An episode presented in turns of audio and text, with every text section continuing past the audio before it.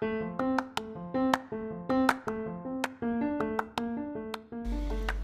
halo, halo semuanya. Selamat datang di podcast Tawa. Talk with Sahla. Tumbuhkan tawa, redam kecewa.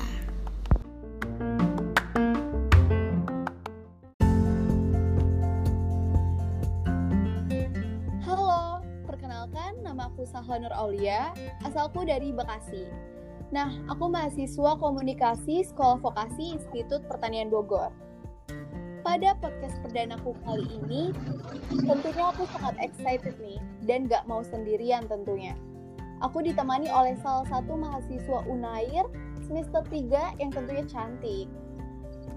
Kenalan dulu lah ya kita. Halo, Fenty. Halo, Salah. Kenalan dulu dong.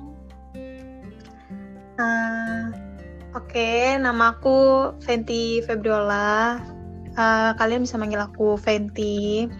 Aku dari mahasiswi Unair atau Universitas Airlangga, uh, Fakultas Vokasi jurusan Pariwisata. Dan asal aku dari Jakarta. Nah, vokasi juga nih kita. Iya. Yeah. Kabarnya baik ya? Baik, alhamdulillah. Kegiatannya gimana nih selama pandemi kayak gini? Terus kuliah daring kayak gitu? Uh, selain kuliah uh, online gitu, uh, aku biasanya bisnis gitu sih, bisnis online sama uh, jualan kecil-kecilan di rumah pengusaha kecil ya. Iya, pengusaha kecil. Gimana nih Fen rasanya kuliah di jurusan pariwisata? Hmm, gimana ya? Uh, asik-asik aja, asik-asik aja sih. Terus juga aku masih semester 3, jadi um, ya sejauh ini asik-asik aja. Berarti jalan-jalan mulu ya? Enggak, sebenarnya semester 2 kemarin tuh harusnya uh, ke Cina, PKL ke Cina. Cuman karena di Cina ada corona, terus kita juga disuruh di rumah aja, jadi nggak jadi gitu loh PKL-nya semester 2 sama semester 3 ini nggak ada PKL jadinya. Sayang banget ya gara-gara corona semuanya jadi tertunda. Betul, aduh. Ya udah nih, ngomong-ngomong jurusan pariwisata. Di podcast kali ini aku akan membahas topik tentang pariwisata juga, yaitu pentingnya peran pengusaha dalam pengembangan desa wisata. Seperti yang kita ketahui nih ya, Indonesia tuh merupakan negara yang kayak akan pariwisata kan. Nah, sehingga industri yeah. pariwisata itu tuh semakin berkembang pesat di Indonesia. Bahkan keberadaan desa wisata di Indonesia juga saat ini sudah semakin berkembang pesat. Nah, tapi Betul. mungkin ada beberapa teman-teman yang belum mengetahui apa sih itu desa wisata. Nah, kalau boleh tahu nih, sebelum kita masuk ke topik pembahasan kali ini, apa sih desa wisata itu bisa dijelasin gak, Fen? Oke, uh, sebelumnya aku tuh nerima podcast kayak gini itu karena kebetulan aku lagi belajar tentang desa wisata sih. Wah, gitu lagi iya. Cuman emang belum banyak yang aku pelajarin gitu loh. Jadi menurut aku desa wisata um, tunggu sebentar. Desa wisata itu uh, kegiatan wisata yang dilakukan pada suatu objek wisata desa gitu loh. Jadi ada desa dan di desa itu mengada dan di desa itu ternyata punya objek wisata akhirnya dijadikan desa wisata gitu loh intinya. Oke, okay. tapi kan uh, setahu aku tuh ada desa wisata sama wisata desa, iya gak sih, Ven? Iya. Nah, itu tuh cuman aku bedanya apa sih? Uh, belum tahu gitu sih wisata desa sama desa wisata. Kayak aku aku belajarnya desa wisata aja, cuman belum tahu wisata desa itu apa. Gitu loh. Oke. Okay. Nah, terus aku juga mau tahu nih, apa sih faktor pendukung dalam pengembangan desa wisata?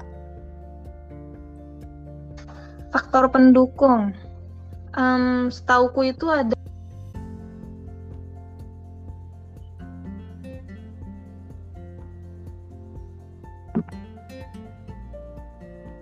Halo.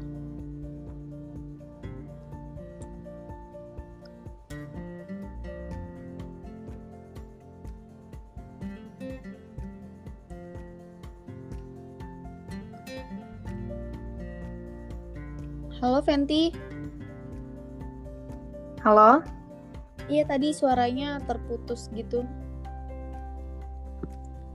Oh, terputus ya?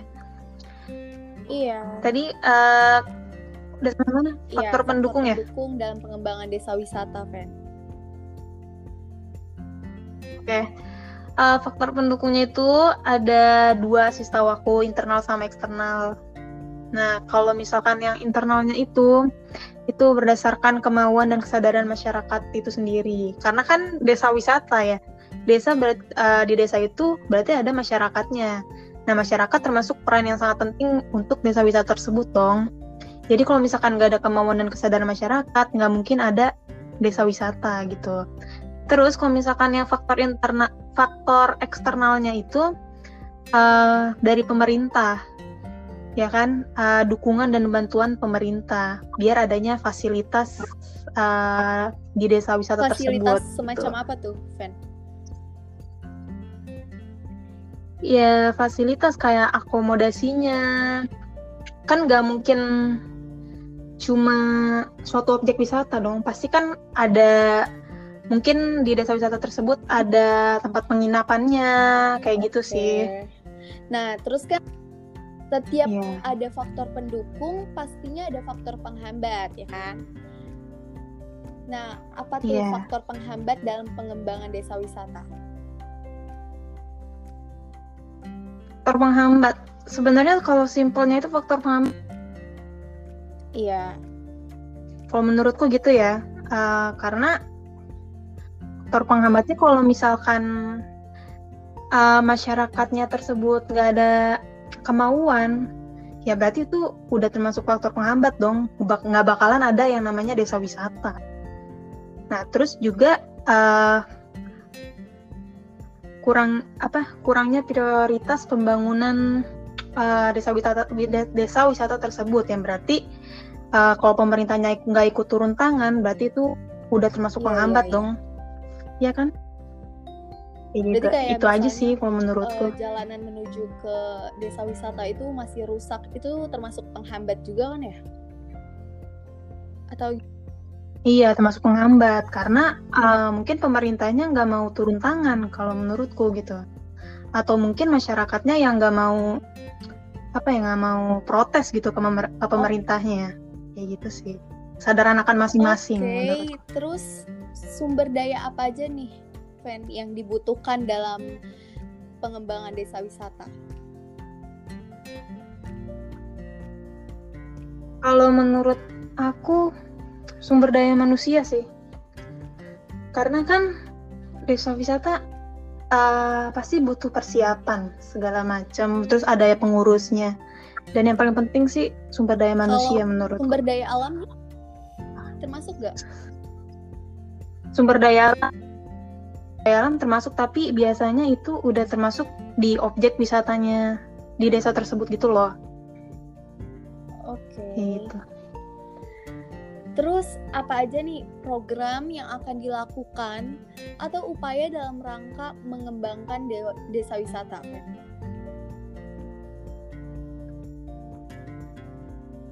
Hmm.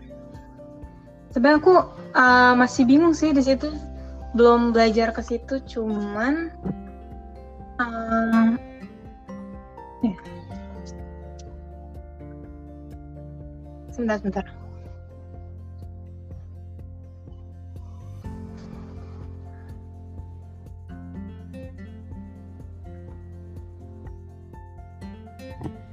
Tadi upaya iya, gitu ya? program yang akan dilakukan atau upaya dalam rangka mengembangkan desa wisata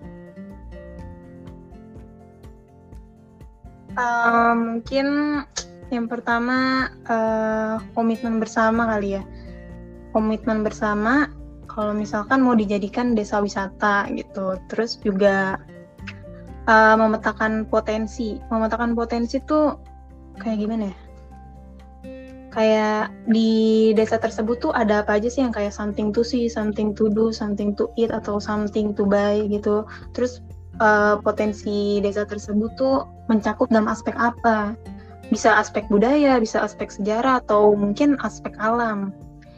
Kayak gitu. Terus um, pastinya membentuk kelompok sadar wisata nggak sih? Jadi kan kalau misalkan proses pemetaannya udah dilakukan, jadi uh, apa ya? Uh, masyarakat tersebut, masyarakat tersebut harus sadar akan uh, wisata tersebut. Berarti harus dijaga lingkungannya kayak gitu. Terus juga men, juga pastinya uh, nyusun visi misi rencana kerja gitu-gitu sih. Oke. Okay.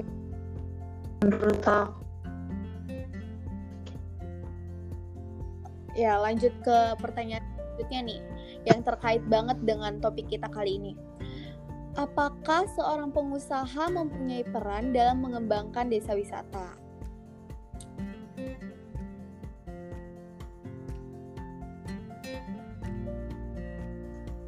Pengusaha, hmm, menurutku ada peran sih, karena kan uh, apa ya?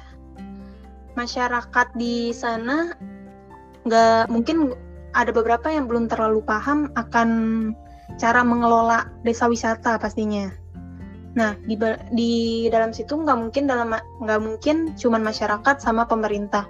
Pasti kan ada yang menggerakkan kayak eh ini kayaknya bi ini kayaknya bisa ada dibikin desa wisata. Nah di situ mungkin kesadaran akan pengusaha kali ya. Uh, jadi pengusaha tersebut bisa membantu mengelola desa wisata tersebut kayak misalkan dibuat paket wisata terus juga uh, menyarankan akomodasi-akomodasi apa aja yang ada di sana atau fasilitas yang dibutuhkan segala macam. Berarti nah di situ mungkin peran pengusahanya sih menurut peran aku. Pengusaha juga kayak menanam kayak modal gitu. gak sih?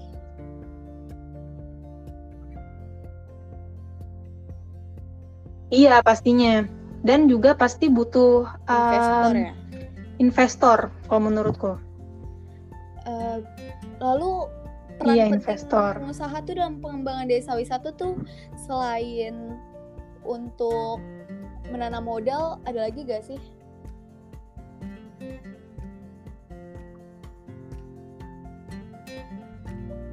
Ya kayak tadi sih untuk Bukannya mengelola desa wisata tersebut. mengelola itu bukan gitu dari sih. warga sekitar ya atau memang pengusaha? Aku juga gak ngerti nih.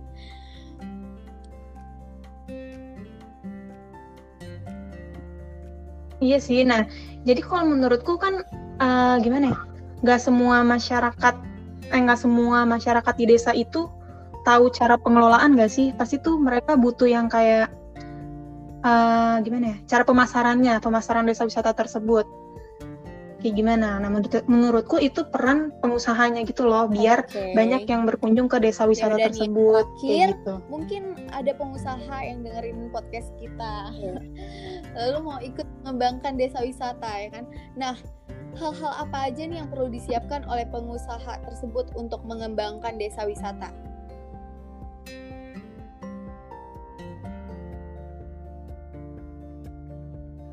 Waduh, apa ya?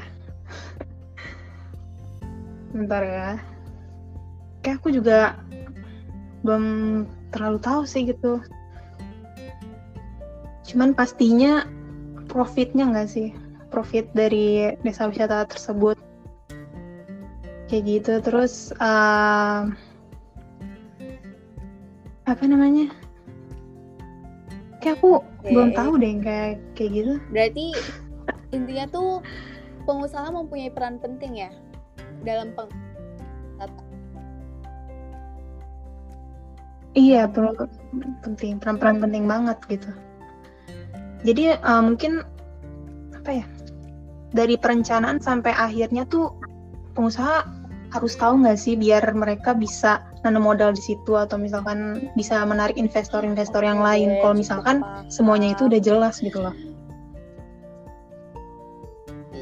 cukup seru ya Iya, Cukup kayak gitu sih kurang lebih. pembicaraan kita kali ini.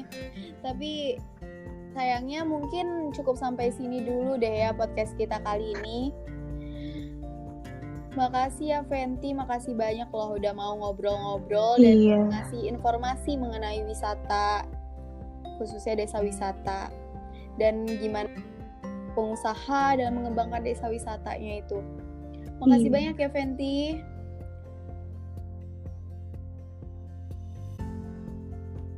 Iya, sama-sama. Maaf juga ya kalau misalkan Yes. uh, banyak belum banyak pengetahuan gitu Iya, iya. tentang desa tentang usaha desa wisata gitu. menambah informasi dan pengetahuan kita semua, baik aku ataupun teman-teman yang mendengarkan podcast ini. Sampai bertemu lagi. See ya.